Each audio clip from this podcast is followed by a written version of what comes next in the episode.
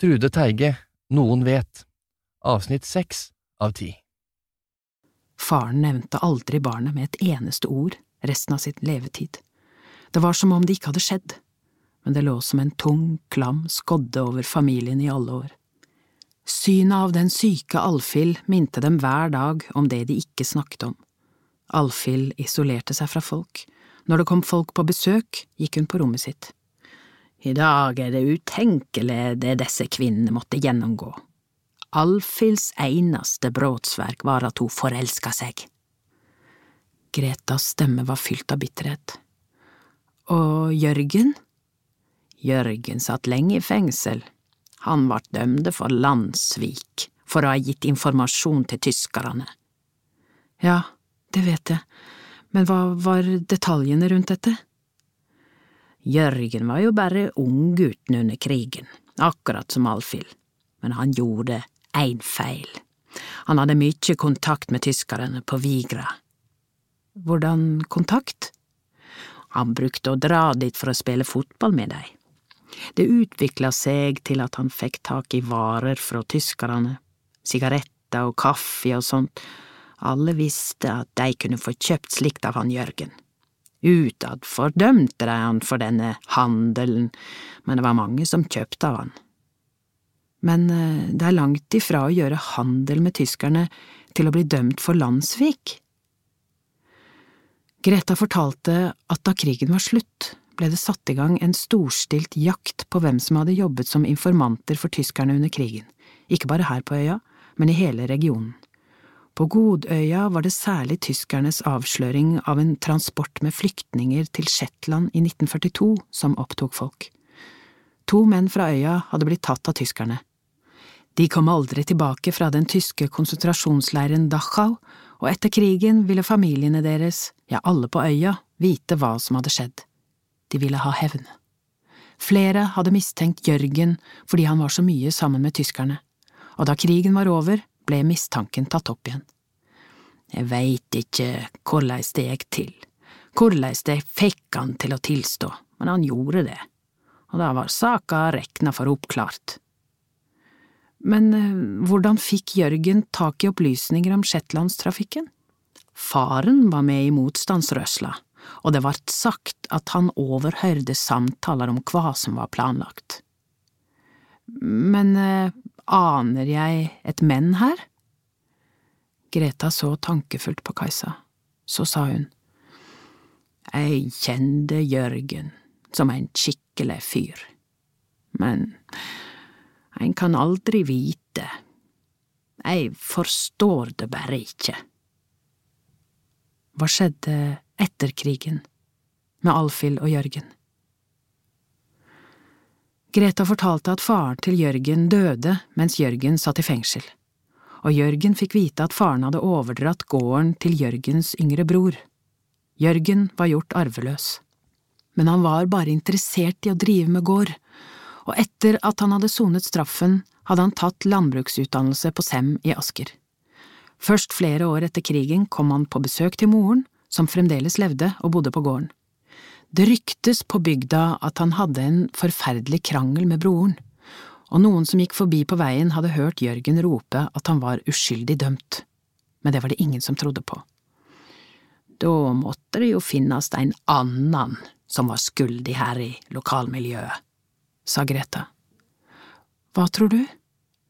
Det er ikke godt å vite, men hvis det var sånn at han ikke var skyldig, Kvifor tilstod han da? Alfhild mente at han var uskyldig, hun sa hun visste hvem som var skyldig, og at Jørgen hadde sona straffa for at en annen skulle gå fri. Hvem da? Det sa hun aldri. Men uh, Alfhild og Jørgen traff altså hverandre her på øya? Ja, Jørgen var ofte heime på besøk hos mora. Jeg veit ikke korleis de traff hverandre, men vi merka at noe hadde skjedd. Alfhild vart bedre, begynte å ete igjen, om hun ikke akkurat verka glad, så var hun lettere til sinns.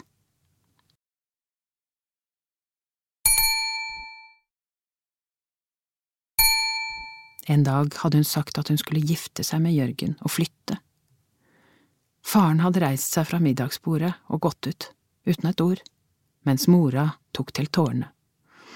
Med ein forræder, hadde hun snufset. Alfhild hadde reist seg med et sinne som de aldri hadde sett før. Hun hadde sagt at mora ikke trengte bekymre seg for å stelle i stand til bryllup, og dessuten ville hun aldri vise seg på øya mer. Så hadde hun gått opp på rommet sitt, pakket en koffert og dratt. Jeg gløymer det aldri. Hun så så lita ut der hun sto i gangen med kåpa på og den store kofferten. Vi helt rundt hverandre, og jeg kunne kjenne hvor hun skalv. Hun skulle reise langt vekk, hun som ikke hadde vært utom porten på mange år. Jeg tror hun var redd, redd og sint og fullstendig knust. Greta gjorde ikke noe forsøk på å skjule tårene lenger. Hun trykket lommetørkleet mot øynene. Kajsa reiste seg og gikk bort til vinduet, så utover fjorden, innover mot Ålesund, så for seg kvinnen med kofferten som forlot foreldrene, søsteren, hjemmet og øya. Hun snudde seg mot Greta. Kom hun noen gang tilbake? Ja, da mor døde i 1959, kom hun i gravferda. Greta dro pusten i småhikst og pustet tungt ut. Det hadde vært bedre for henne om hun ikke kom. Hvorfor det?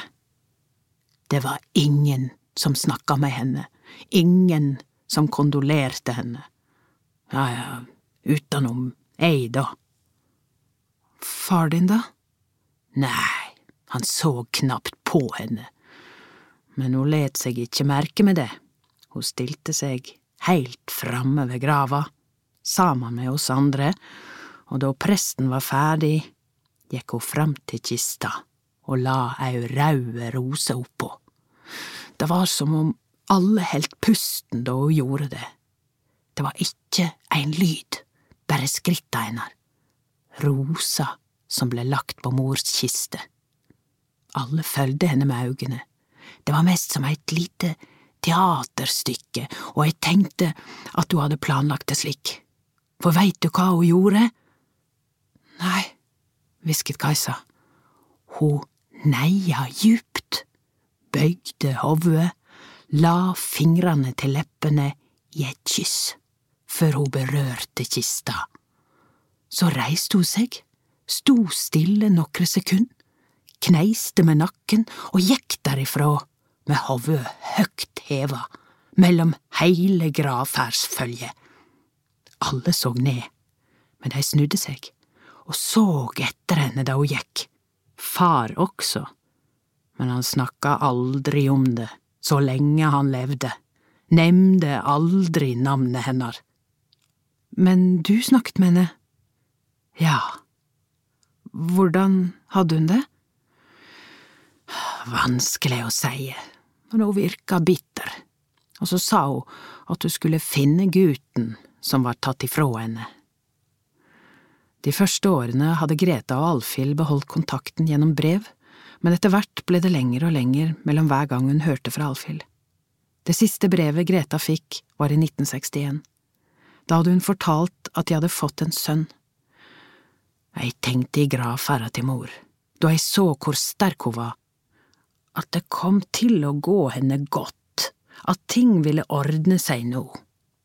Men da jeg fikk brevet, vart jeg veldig bekymra, mest for gutten. Hvordan da? Hun skreiv det ikke direkte, men jeg forsto at det var problem. Jeg las det mellom linjene.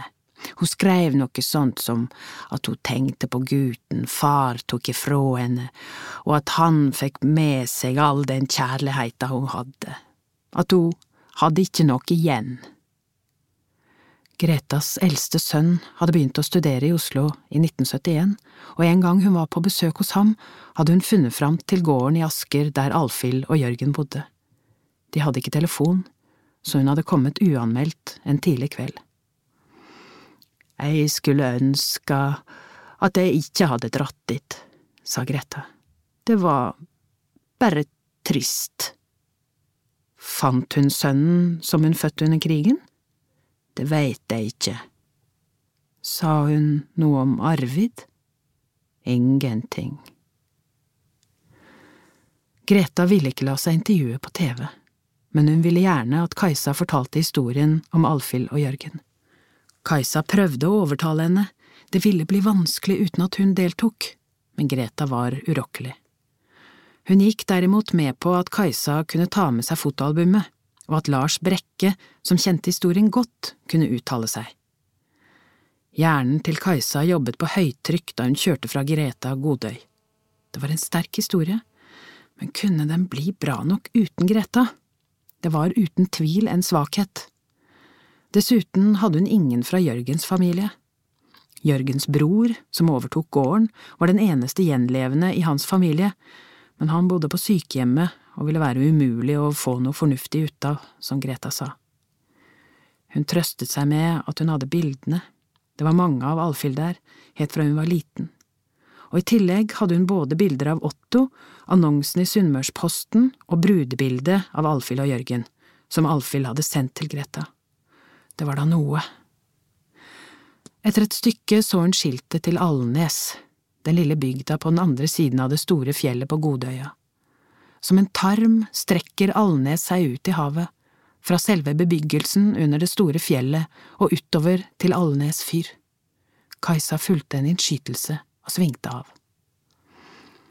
Alnes måtte være et av de vakreste stedene på hele Sunnmørskysten, med ansiktet vendt mot storhavet, åpent, værhardt, pittoresk. Denne dagen var kald, og nordvesten sto rett inn, det hadde blåst kraftig opp mens hun hadde vært hos Greta. Sjøen gikk stor og tung, og nordvesten tok tak i henne da hun gikk ut av bilen. Hun fikk vinden i ryggen på veien opp til fyret. Da hun var liten, brukte faren å ta henne med ut i havet på uværsdager. Nå gjorde hun noe hun ikke hadde gjort på mange år. Hun åpnet glidelåsen på dynejakken, stakk hendene i lommene, dro kåpen ut fra kroppen og lot vinden fylle vingene. Å ja, vinden var sterk nok denne dagen, sterk nok til at hun kunne lene seg mot den, slik hun og faren hadde gjort sammen så mange ganger. Det var som om han sto der ved siden av henne. Hun tenkte på forholdet mellom Alfhild og faren. Min far ville aldri ha skjøvet meg fra seg, uansett hva jeg hadde gjort, tenkte hun. Så lente hun seg mot vinden. Helvete! Didden slengte på røret. Hva er det? spurte Kajsa rolig, hun var vant til denne type utbrudd fra Didden som skulle redigere dokumentaren De dreptes hemmelighet. Han var et utålmodig menneske. Musikken til åpningssekvensen skulle være klar i dag, men nå er den forsinket. Jeg kan ikke begynne å klippe før jeg har musikken, jeg må ha rytmen i kroppen, for faen! Didrik Steffensen, kalt Didden, og Kajsa hadde fått en uke på seg til å redigere dokumentaren. Didden mente det var helt uforsvarlig han trengte minst tre uker for å lage film, ikke makkverk, som han sa. Det var gått fem uker siden drapet, og sjefen for dokumentaravdelingen ville ha den på luften mens saken ennå var fersk og høyt oppe på medienes dagsorden. Vi må vise at vi kan snu oss rundt og lage rykende ferske dokumentarer, at vi er midt i nyhetsbildet, mente han. Det betydde at Kajsa og Didden måtte bruke både natt og dag for å bli ferdige. Tanken på Jakob Sperre hadde nesten blitt borte i arbeidet med dokumentaren, men mens hun satt i det mørke redigeringsrommet og jobbet med Didden, kom den tilbake med fornyet styrke. Det kunne gå en time mellom hver gang hun og Didden snakket sammen, når han kom så langt i klippingen at han viste henne hva han hadde gjort. Hun tok derfor fram PC-en og klikket seg inn på Excel-arkene Dobbeltdrapet og barnehjem. Hun leste nøye gjennom det hun hadde skrevet inn. Hva vet Sperre? skrev hun på arket foran seg. Kajsa så på klokka, den var blitt halv elleve. Didden bare gryntet da hun spurte om det var greit at hun stakk ut en times tid. Hun tok av fra Vekkerøveien, inn Lyseveien, til hun så det store skiltet med Lyse terrasse i hoffsjef Løvenskiolds vei, svingte til venstre rundt hele sameiet til hun så skiltet til nummer 37 og 39 øverst oppe. Der var det noen få parkeringsplasser ved noen garasjer. Hun ble sittende i bilen en stund, det var liten vits i å gå og ringe på. Sperre ville neppe åpne for henne, så avvisende som han hadde vært.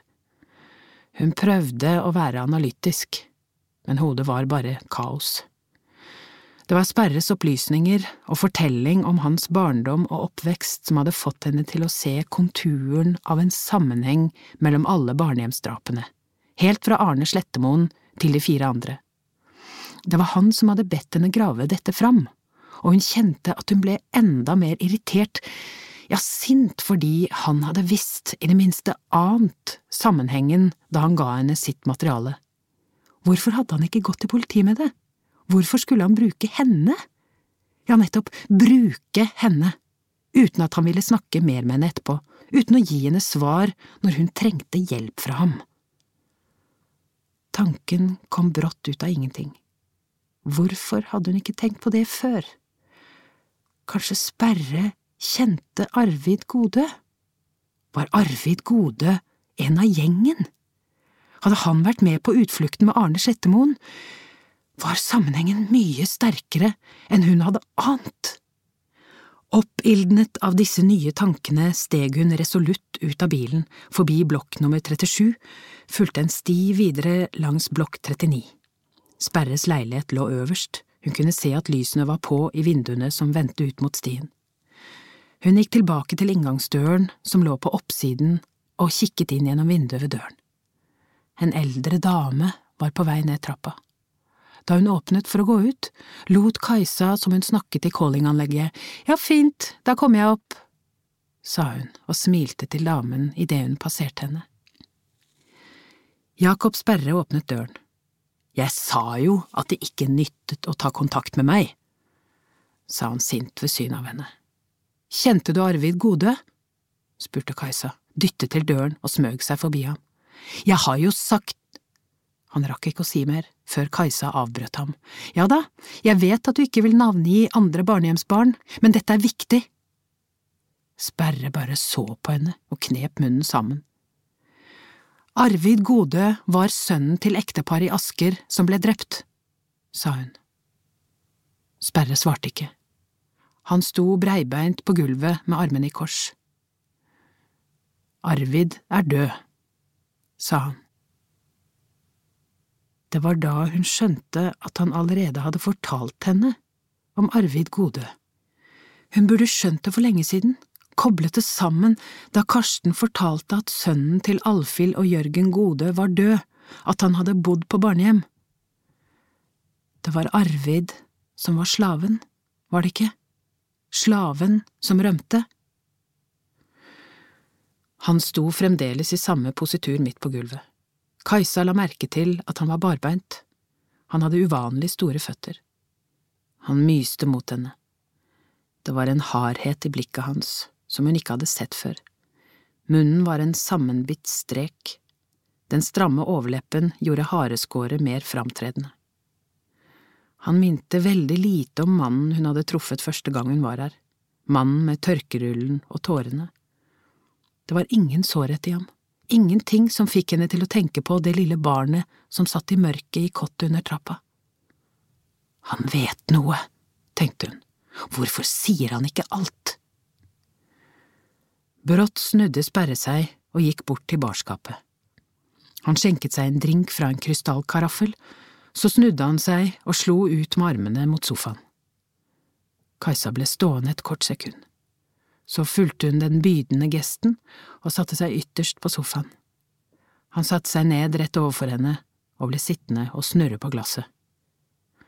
Til slutt så han opp, ansiktet hadde myknet. Jeg forstår det ikke. Det er det, at jeg forstår det ikke. Du vet like mye som meg nå, og jeg forstår det bare ikke, sa han. Nei, jeg vet ikke like mye som deg, sa hun. Jeg hadde håpet at du skulle finne sammenhengen, jeg kan ikke, kan ikke eller vil ikke. Det er for nær meg, jeg verken kan eller vil. Hvorfor er det for nær deg? Fordi du kjenner den eller de som tok livet av disse overgriperne? Fordi du vet hvem det er? Nei, sa han hardt. Du tror det kan være noen du kjenner, sa Kajsa. Det er det som plager deg. Du ga meg opplysningen for at jeg skulle finne ut av det, for å finne ut om det er slik du tror.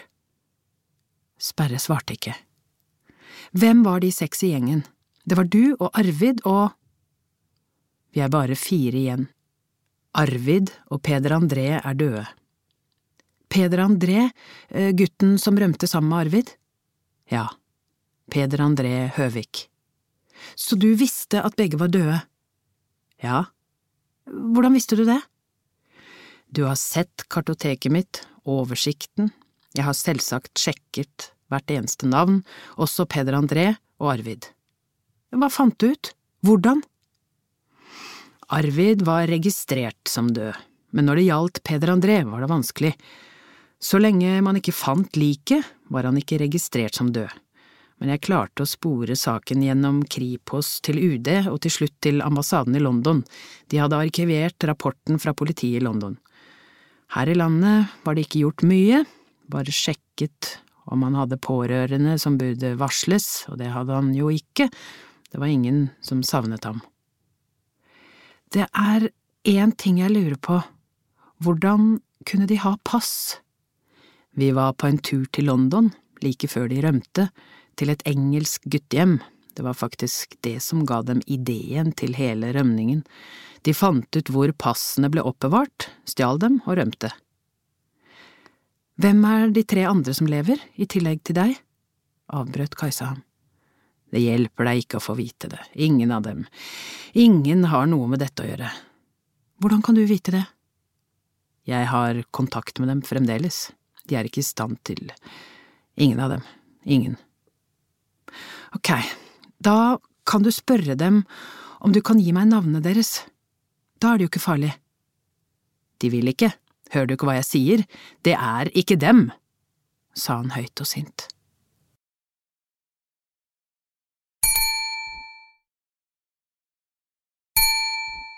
Så tok han seg sammen og svarte med roligere stemme. Vi har snakket om det mange ganger, de har familie og kolleger som ikke vet hva de har vært igjennom. Men eh, har du ikke den minste aning om hvem som kunne være i stand til å drepe? Alle og ingen. Hva mener du med det?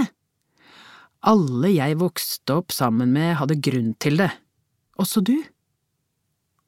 Også jeg sa han, så stille at Kajsa knapt hørte det. Fortell meg om Arvid Gode, oppfordret Kajsa. Arvid Gode var så stri. Sperre sukket høyt. Han skulle aldri ha vært så stri. Da hadde han ikke blitt utsatt for det som skjedde med ham. Han skulle gitt seg, føyd seg, men det var som om han ikke kunne. Han ble bare hardere og hardere, mer og mer gjenstridig, nektet å innordne seg. Det er slikt som trigger en overgriper, å fornedre og tråkke på den som provoserer mest. Hvordan ble akkurat dere seks til gjengen? Gjengen var det nærmeste vi kom en familie. Vi tilhørte ingen, bare hverandre et lite smil strøk over Sperres ansikt. Vi skar oss i fingrene, vi ble blodsbrødre med mottoet Én for alle, alle for én.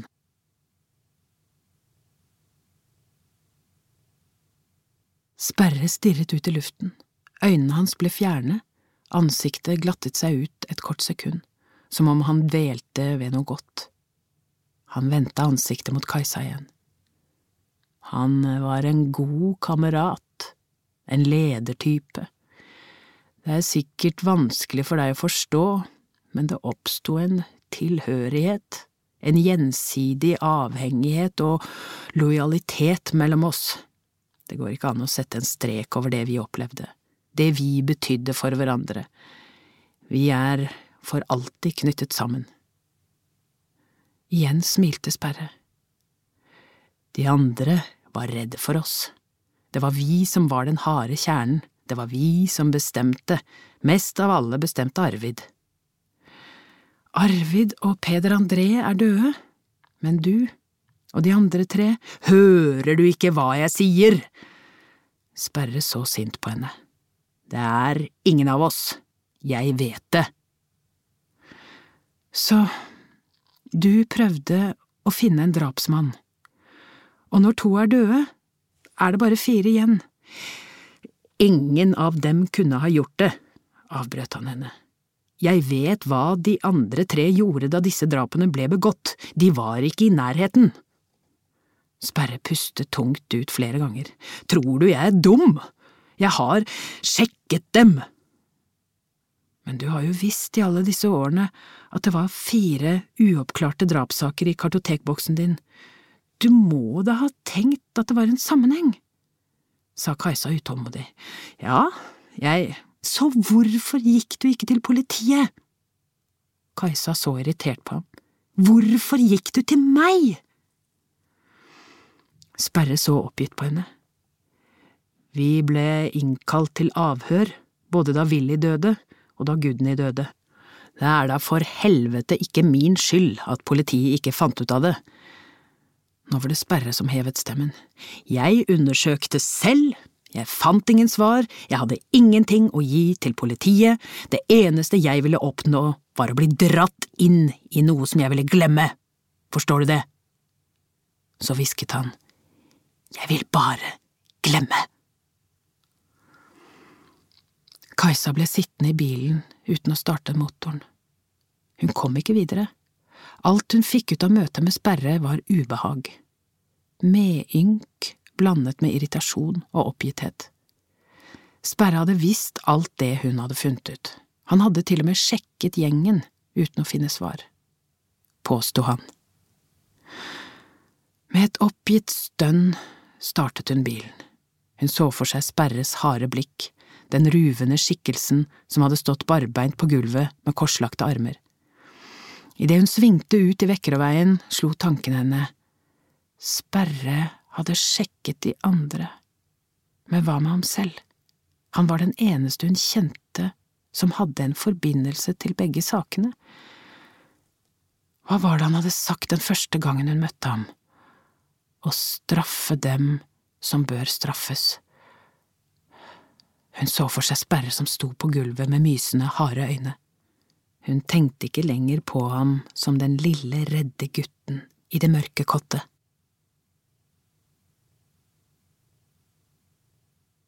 I utgangspunktet hadde Kajsa bare stoff til en ti minutters reportasje. Men ved å dra inn en professor i historie ved Universitetet i Bergen, som var ekspert på Norges behandling av tyskertøsene og landssvikerne, samt en psykiater, ble det en fullgod dokumentar. Særlig sterkt ble psykiaterens utlegning om hvilket traume det var for Alfhild å bli fratatt barnet, og han gikk langt i å antyde at dette meget sannsynlig var forklaringen på at hun ikke klarte å vise omsorg for Arvid da hun senere ble mor igjen. Han konkluderte med at Alfhild og Jørgen tydeligvis hadde utviklet et hat mot samfunnet, de ble utstøtt, men det var deres valg å fortsette å holde seg utenfor, som om deres hevn var å utstøte andre fra livet sitt. Kajsa valgte å dyrke Alfhilds historie, og gjorde Jørgen til en biperson. Hans historie ble tonet ned og bare brukt som en del av Alfhilds liv. Dette gjorde Kajsa bevisst, fordi det var Alfhild som hadde tid med barnet. Jørgen var forsørgeren som var borte mesteparten av dagen, og Jørgens rolle i forhold til omsorgssvikten ble uklar. Det Birte hadde fortalt, kunne tyde på at han til en viss grad hadde prøvd å bry seg om sønnen, han hadde bygd sandkasse, gitt ham sykkel. De hadde gjort nye opptak på Godøya, tatt masse naturbilder og bilder av huset der Alfhild hadde vokst opp. I tillegg brukte de bilder fra nyhetssendingene fra den dagen drapet ble kjent, samt de nye bildene som ble tatt senere med subjektivt kamera, illustrasjonsbildene med den lille gutten og svart-hvitt-fotoet av Arvid i Birtes hage. De tok også nye bilder fra den tomme gården i Asker. med bruk av en kran som beveget seg høyt over tunet og ga et fugleperspektiv som fikk gården til å ligne på et spøkelseshus. Men det beste hun hadde, var bildene av Alfhild i albumet til Greta. Nå hadde de to dager, og en natt, som Didden sa, til å finpusse, justere lyden, legge på musikken, finklippe og eventuelt endre overganger. Dagen før dokumentaren skulle sendes, ringte Kajsas mobiltelefon klokka kvart på åtte om morgenen. Det var Pete Howick. Stemmen hans var alvorlig. Han ville møte henne, sa ikke hva det gjaldt, var bare veldig kort og formell, veldig mye lege. Den siste reportasjen hun hadde laget med Sigrid, handlet om at hun skulle gjennom en svært tøff behandling, som var avgjørende for den vesle jentas muligheter for å bli frisk.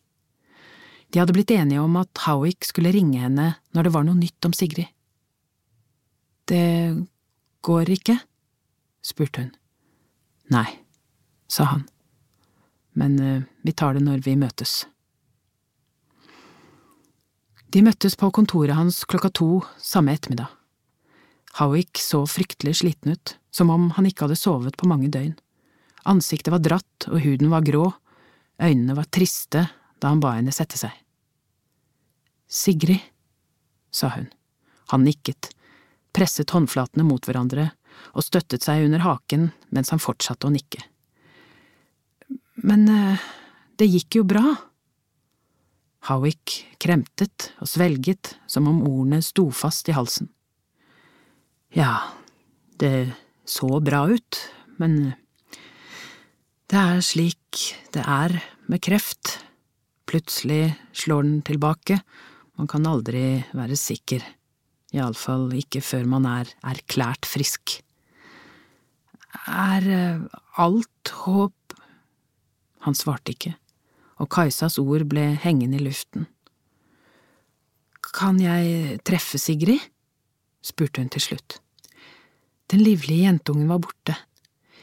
I senga lå en slapp tiåring med lukkede øyne. Kajsa gikk forsiktig fram til senga, sammen med Howick. Han la hånden på armen hennes. Hei, Sigrid, det er besøk til deg.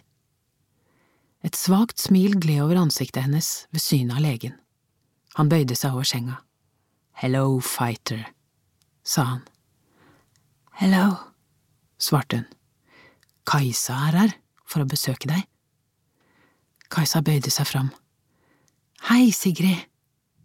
Hei, skal du intervjue meg? Sigrids stemme var knapt hørbar. Nei, ikke i dag, jeg stakk bare innom. Kanskje i morgen? Ja, kanskje i morgen, sa Kajsa. Hun møtte blikket til Howick. Det er som om det er hans eget barn, tenkte hun. Pasientenes kamp er hans kamp, deres tap er hans tap. Hun hadde en opprivende krangel med nyhetsredaktøren om hva de skulle gjøre videre i forhold til Sigrid og familien hennes. Reportasjen om Sigrid, og ikke minst hennes fargerike familie, var en suksess for Kanal 4. Seerne engasjerte seg enormt i den lille jentas kamp mot kreften. Hver gang nyhetene sendte en reportasje om hvordan det gikk med henne, økte antall treff på Kanal 4s hjemmesider, der det var en link til en egen side om Sigrid. Den var bygd opp med portretter av alle i familien. Kajsa syntes den så ut som vignetten på TV 2s Hotell Cæsar. Her kunne også seerne sende e-post til redaksjonen. Det kom flere hundre e-poster hver gang Sigrid og familien var på nyhetene, og sentralbordet hadde hendene fulle med å ta imot telefoner fra engasjerte og innimellom forstyrrede personer. Henvendelsene kunne grovt deles inn i to grupper. De som mente seg dårlig behandlet av helsevesenet, og mennesker som hadde råd om behandling som kunne hjelpe, alt fra anerkjente sykehus i utlandet til healere som kunne utrette mirakler. Oslokirken var en av flere grupper som hadde engasjert seg for Sigrid og hadde arrangert forbønnmøter for henne. Jo, Sigrid var blitt en virkelig suksess for kanalen, og det måtte følges opp, uansett hvordan det gikk, mente nyhetsredaktøren. Han fikk støtte fra vaktsjefene da han innkalte til møte om saken etter at Kajsa hadde orientert ham om den nye situasjonen for Sigrid. Kajsa mente, på bakgrunn av informasjonen fra legen, at det vil være helt på grensen til det uetiske å følge den vesle jentas dødskamp. Men eh, har ikke familien sagt ja til at vi kan fortsette? ville redaktøren vite. Kajsa måtte innrømme at de hadde det. Men jeg tror ikke de er de rette til å vurdere det. De klamrer seg til håpet, kanskje føler de til og med at det håpet blir større ved at vi følger dem. Faren takket jo for støtten i det siste innslaget, og sa at familien føler seg løftet fram av det norske folk. Det gir oss alle krefter til å fortsette, til å håpe. Kanskje tenker de til og med at vi ikke ville fortsatt dersom hun ikke hadde noen sjanse. Dermed gir vi dem falske forhåpninger. Men uh, har hun ikke noen sjanse? Minimal. Minimal? Da er det jo fremdeles håp. Så hva er problemet? Spurte nyhetsredaktøren. Saken er jo den største suksessen vi har hatt på nettet med tusenvis av treff hver gang vi… Klikkjournalistikk, bet Kajsa ham av. Klikkjournalistikk? Dette handler vel ikke om at journalister jager i flokk eller i klikk, som du uttrykker det, la han til og lo av det han trodde var Kajsas feil bruk av ord. Du misforstår, sa Kajsa og lot som hun skrev på et tastatur og klikket på en mus. Jeg snakker om når antall klikk avgjør hva som blir slått opp, hva som er viktig. Nå må du… begynte dagvaktsjefen. Vi tar ikke den nå, brøt Geir Hermansen inn. Og til Kajsas overraskelse var det han, råtassen over alle råtasser, som ga henne støtte når det gjaldt Sigrid, iallfall litt. Han foreslo et kompromiss. Vi kan ikke bare slutte å følge opp Sigrid, uten noen forklaring, mente han, og foreslo at Kajsa skulle lage en reportasje samme kveld om at behandlingen ikke virket, men at Sigrid skulle prøve en ny kur. De skulle ikke si noe om at denne bare var livsforlengende, ikke helbredende. Fokuset skulle være familiens håp, samhold og styrke. En god fotograf kunne ta mange bilder som handlet om henne uten å vise hvor dårlig hun var. Bilder av slanger, apparater, hånden hennes, kosedyret, liggende med ryggen mot kamera, foreldrene som så på henne, strøk henne over håret etc. Så skulle de avvente. Hvis det ikke gikk bra, skulle neste reportasje være fra begravelsen. Kajsa skulle ikke følge Sigrid tett etter dagens reportasje, men holde kontakten med legen.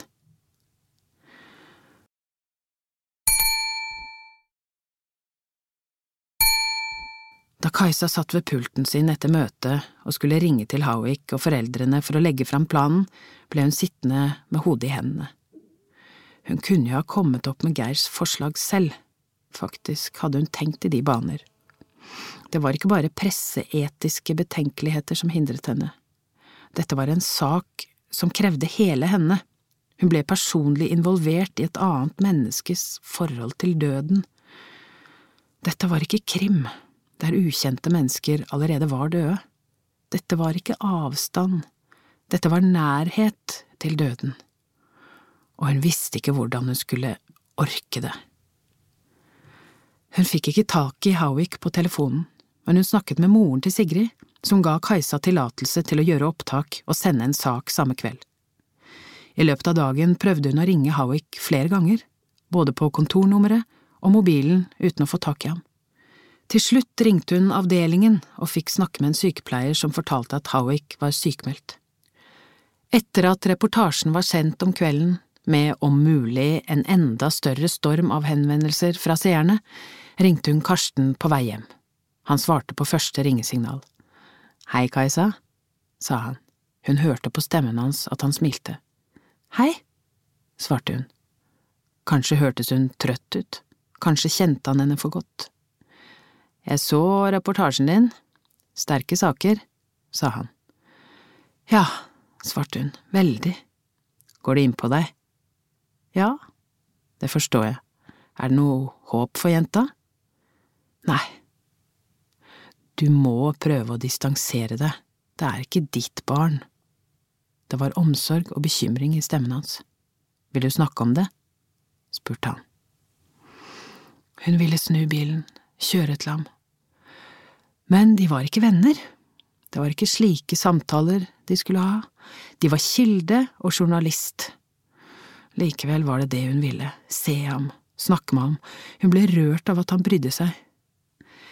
Jeg må hjem, sa hun, men jeg har snakket med Njål. I morgen. Ok.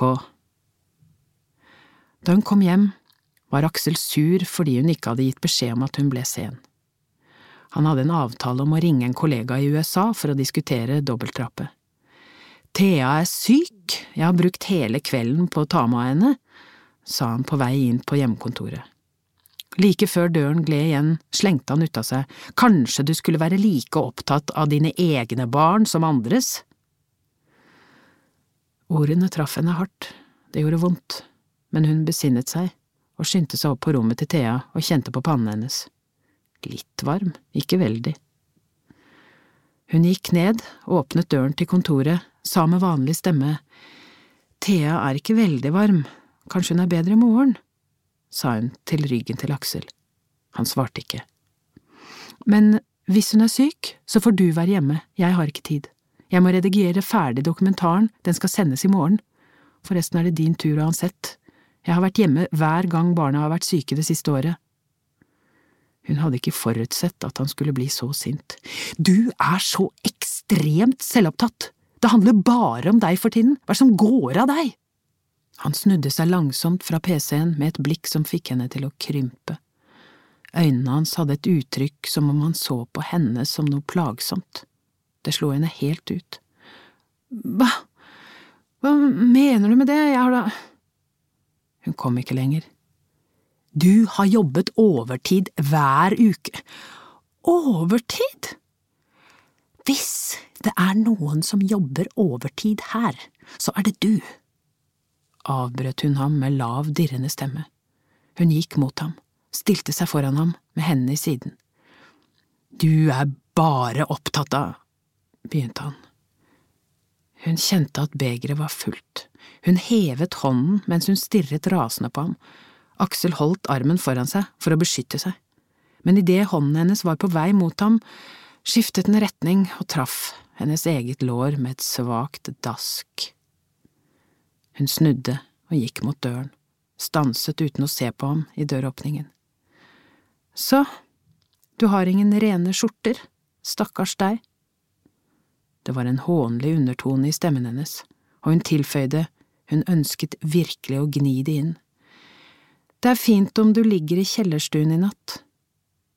Så gikk hun ut og lukket døren demonstrativt stille igjen etter seg.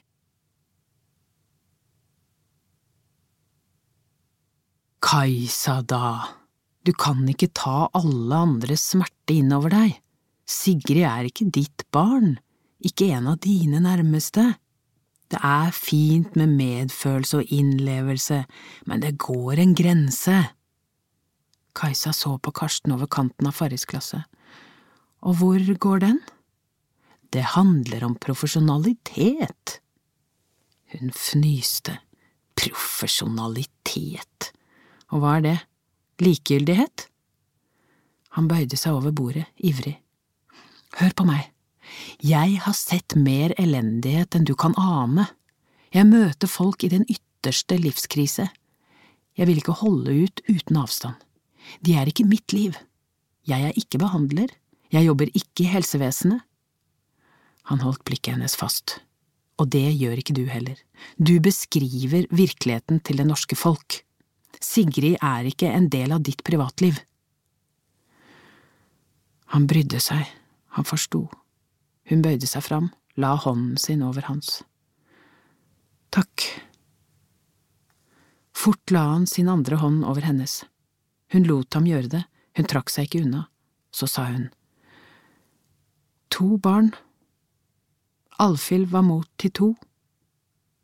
Jaså? De trakk hendene til seg samtidig.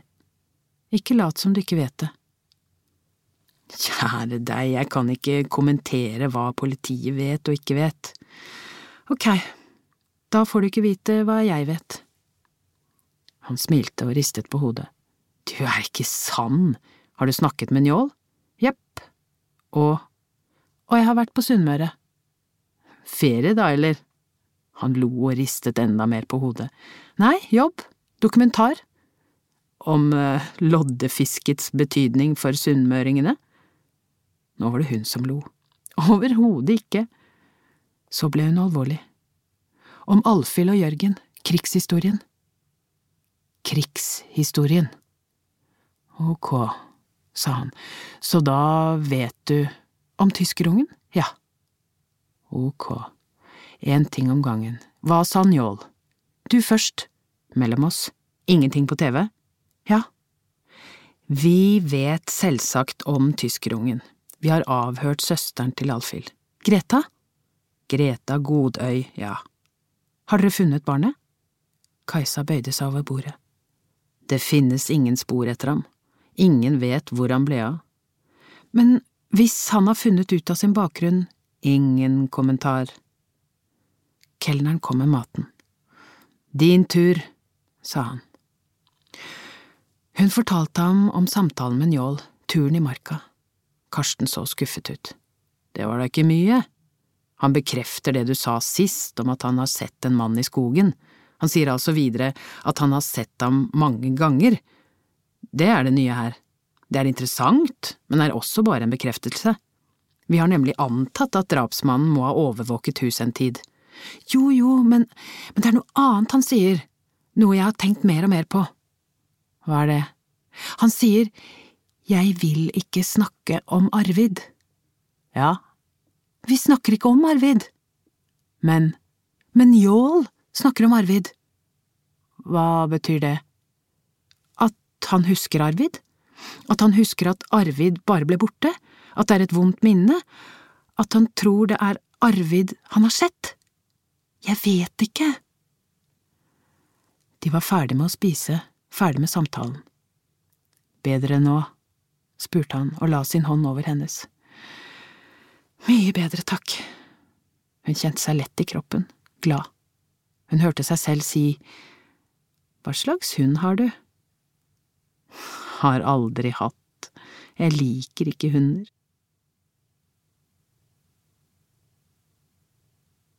Han følte seg maktesløs og redd. Det var en nyskapt, men gammel, kjent smerte. Følelsen av å bli sviktet. Det var hennes skyld. Da han var liten, hadde han også vært redd og maktesløs. Nå var de her igjen, begge to. Frykten og avmakten. Det hadde ikke vært noe han kunne utrette for å forandre på noe som helst. Han hadde levd med frykten hele tiden, vært redd for kott under trappa, for trappehullet, kjelleren, redd for mørket, redd for å være sulten, for å bli slått, redd for å bli voldtatt, redd for menneskene. Men etter hvert som han var blitt større, hadde han oppdaget at det var noe han kunne gjøre, for han hadde vokst seg lang, og halvløpingen i skogen hadde gjort ham sterk. Han kunne ikke gjøre noe med maktesløsheten, ikke da, senere skulle han det men han hadde oppdaget at han kunne velge bort frykten. Den måtte bare erstattes med noe. Han erstattet den med raseri, og han lot det bare vokse seg stort og sterkt inni seg, slik at frykten ble helt borte til slutt. Da ble han sint og maktesløs. Det var han lenge. Men en dag bestemte han seg for at avmakten også kunne erstattes. Da var han blitt så stor og sterk at han tenkte at han kunne drepe. Etter det var han verken redd eller maktesløs, bare sint. Men nå var redselen og maktesløsheten tilbake, og han måtte på nytt få det til å bli borte, skape en forandring, erstatte det med noe annet. Ennå visste han ikke hvordan, men en plan hadde begynt å ta form i tanken hans, og mens han tenkte, kjente han frykten vike plassen for raseriet.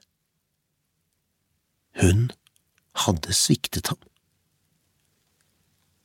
Han hadde gått fram og tilbake mellom stuen og kjøkkenet hele natten etter at dokumentaren ble sendt.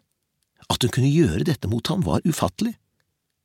Hun, som hadde gjort ham så godt, hadde vendt seg mot ham. Hun hadde bortforklart og unnskyldt dem, framstilt dem som ofre. Han var helt andpusten da han nådde toppen, og tok av fra stien mot terrassen. Han hadde vært der flere ganger i det siste, uten at hun hadde vært der. Det hadde gjort ham motløs, og han ble enda sintere nå da han visste hvorfor hun ikke hadde vært hjemme, hva hun hadde vært opptatt med.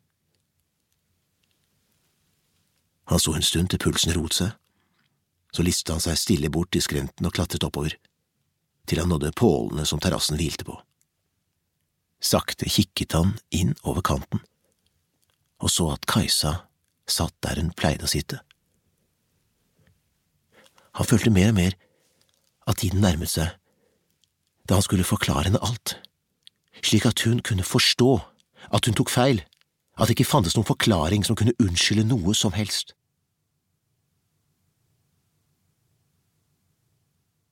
Kajsa våknet med et rykk og så på klokka. Kvart på fem. Hva var det som hadde vekket henne? Så husket hun. Hun var et barn i et mørkt skap. Hun var helt alene. Drømmen satt fast i kroppen. Hun måtte ha grått, for kinnene var våte, kroppen var varm, nattkjolen fuktig. Hun tenkte på Jakob Sperre, Arvid Godø, Ida og Ine Marie. Sånn hadde det vært, slik hadde de hatt det, som i drømmen, små barn i mørke skap, stengt inne, uforståelig ondskap utøvd av voksne mot barn som ikke kunne reflektere over ondskap, ikke sette ord på det, men like fullt kunne sanse med hele seg at mer alene kunne et menneske ikke bli enn når det var uten mulighet til å beskytte seg. Tanken slo henne like brått som hun hadde våknet. Dagbøkene. Ida Aarvold hadde skrevet dagbøker. Hadde hun skrevet om Arvid og gjengen? At hun ikke hadde tenkt på det før. Ine Marie sto i døråpningen med dagbøkene til moren i hendene. Hun var helt annerledes enn sist, uten sminke. Hun så trøtt og gusten ut, kledd i svart morgenkåpe enda det var langt på dag. Hun inviterte ikke Kajsa inn. Bare du får lese dem, sa hun, ingen andre. Hun hadde vært motvillig da Kajsa ringte henne, men hadde til slutt gått med på at Kajsa kunne få lese dagbøkene, mot at hun lovte å holde det som sto der for seg selv. Ja, jeg lover, svarte Kajsa, mens hun tenkte at dersom det ble aktuelt, ville hun prøve å overtale Ine Marie til å gå med på at hun kunne sitere fra dagbøkene ved å anonymisere det. Det kunne være det var stoff der til en reportasje i serien om barnehjemsbarn, men det fikk hun ta senere. Da hun satt i bilen, kunne hun ikke vente med å åpne den første dagboken. 23. oktober 1970 I dag er jeg ti år. Jeg skulle ønske jeg ikke var født. De to første setningene traff Kajsa med veldig kraft i det samme hun åpnet boken. En tiåring som ikke ønsket å leve. Ida, Ine Maries mor, Gudny Aarvolds datter. Det var bare disse to setningene, plassert midt på siden ingen forklaring på hvorfor hun følte som hun følte. I det samme hun bladde om til neste side, spent på fortsettelsen, ringte moren. Hun tok på handsfree og la bøkene på setet ved siden av. Hei, mamma, hvordan går det? Jeg… jeg vet ikke, hørte hun moren si. Hva mener du, vet ikke? Jeg… jeg vet ikke hvordan jeg… Hvor… Morens stemme var bare hvisking, det var så vidt hun kunne høre hva hun sa. Kajsa kjente hvordan engstelsen hogg tak i henne. Hvor er du? Hun prøvde å snakke normalt, men hørte selv at stemmen skalv. Jeg vet ikke. Er du i bilen? Nei, jeg er ute. Hvor ute?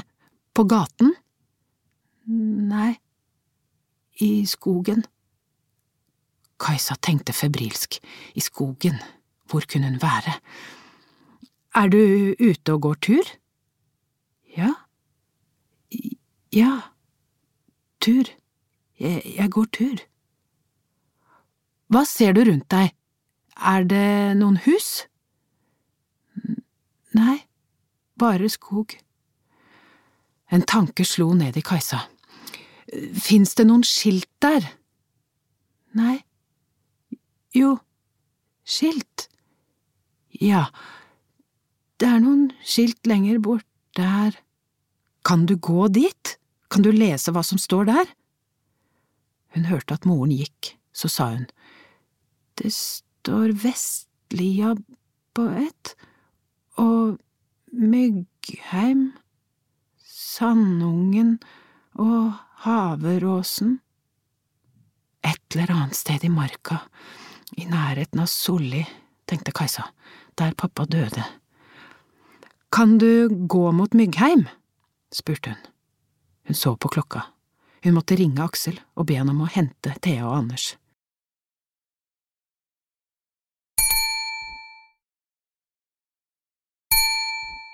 Hun ba moren innstendig om ikke å legge på, formante henne om å holde telefonen mot øret hele tiden, vente på at hun skulle komme tilbake. Hun satte henne på hold og ringte Aksel. Ikke noe svar. Etter en stund kom Aksels stemme og ba henne legge henne en beskjed. Engstelsen for moren blandet seg med sinne, hun fikk nesten ikke puste. Hvorfor fikk hun aldri tak i ham når hun trengte ham? Hun slo nummeret til barnehagen, spurte etter Stine. Stine var praktikant og hadde sittet barnevakt for Anders og Thea noen ganger. Hun forklarte situasjonen for henne og ba tynt om hun kunne ta med Thea hjem. Hun forklarte henne hvor hun kunne finne en nøkkel i garasjen. Hun pustet ut da Stine sa at det skulle gå greit. Etterpå ringte hun SFO og ga beskjed om at Anders ikke ble hentet, men måtte gå hjem. Hun hentet inn samtalen med moren. Mamma? Stille. Mamma? Ikke noe svar. Hun så på telefonen. Den viste at hun fremdeles hadde kontakt. Mamma! Hun ropte inn i telefonen, men moren svarte ikke. Hun tenkte febrilsk. Skulle hun legge på og prøve å ringe henne opp igjen? Nei, da ville hun jo få opptatt, for moren hadde ikke lagt på. Det sprengte i brystet, hun tvang seg til å puste rolig. Skulle hun ringe politiet? Skulle hun be om hjelp? Nei, hun hadde jo en god idé om hvor moren var, så hun bestemte seg for å kjøre til Solli. Kanskje var moren like i nærheten av parkeringsplassen. Hun fikk bestemme hva hun skulle gjøre når hun kom dit, hun måtte i det minste sjekke om bilen hennes var der. Hun er sikkert like i nærheten, jeg finner henne, like i nærheten. Hun kjørte hele veien ut av byen, forbi Sandvika, tok av ved Holmen, forbi Asker museum, forbi Skaugum, forbi Sem gjestegård og Sem barnehage, tok av opp Solliveien. Hun kjørte altfor fort på den svingete, gruslagte veien opp til den store parkeringsplassen på Solli. Ingen biler, ikke en eneste en. Hun kjørte helt opp til gården. Der! Der var morens røde, lille Golf. Tenk, Kajsa, tenk. Hvor kan hun ha gått? Hva var det som sto på skiltene? Myggheim, Vestlia? Var hun på vei til Astøltjern, der faren døde? Først da hun gikk ut av bilen, kom hun på at hun hadde høyhælte støvletter på. Søren, hun kunne jo ikke løpe rundt i skogen i dem. Hun sjekket om hun hadde joggesko liggende i bilen, men nei. Så begynte hun å løpe oppover bakken mot stien til Vestlia. På stiletthæler. Hun trodde hun visste hvor skiltene moren hadde sett var. Hun måtte ha gått fra Vestlia over mot Myggheim. Er det ikke noen skilt på den veien? Jo, men hva sto det på skiltene der? Idet hun rundet en sving, fikk hun øye på moren. Hun var rett ved Myggheim. Mamma! skrek hun og løp etter moren. Moren snudde seg, vinket ivrig mot Kajsa som kom løpende mot henne. Kajsa kastet seg rundt halsen hennes. Neimen, kjære deg, da, hvorfor gråter du? Jeg… jeg ble så… så redd. Ja ja, jeg skjønner det, men det er ingen fare, jeg bare gikk meg litt vill. Det er så lenge siden jeg var her, men nå er vi på Myggheim, sa moren. Hun var helt som vanlig, det var som om ingenting spesielt hadde hendt, verken nå eller for lenge siden. Kajsa så på henne, møtte blikket hennes, moren smilte rolig. Hun var helt seg selv, ikke noe fjernt eller engstelig i øynene hennes. Men, eh, begynte Kajsa, du var hvorfor gikk du… Med ett kjente hun seg så sliten. Hun orket ikke snakke med henne, forklare henne hva som var i ferd med å skje. Ikke nå, senere kanskje, ikke nå, nå var alt bra igjen. Hun hektet armen inni morens, og sammen gikk de gjennom skogen tilbake til parkeringsplassen. Det var en deilig vårdag, likevel kunne Kajsa kjenne kulden fra den dagen hun hadde stått på Solli sammen med moren og tatt imot sleden med faren i. Hun skulle ønske moren sa noe om det, men hun hadde aldri nevnt det. Hun hadde aldri gitt uttrykk for at hun hadde skjønt hvordan det hadde vært for Kajsa. Den dagen, dagene etter, alle de dagene da moren ikke kunne ta vare på seg selv, da hun hadde vært mor for henne. Hun nevnte det ikke nå heller.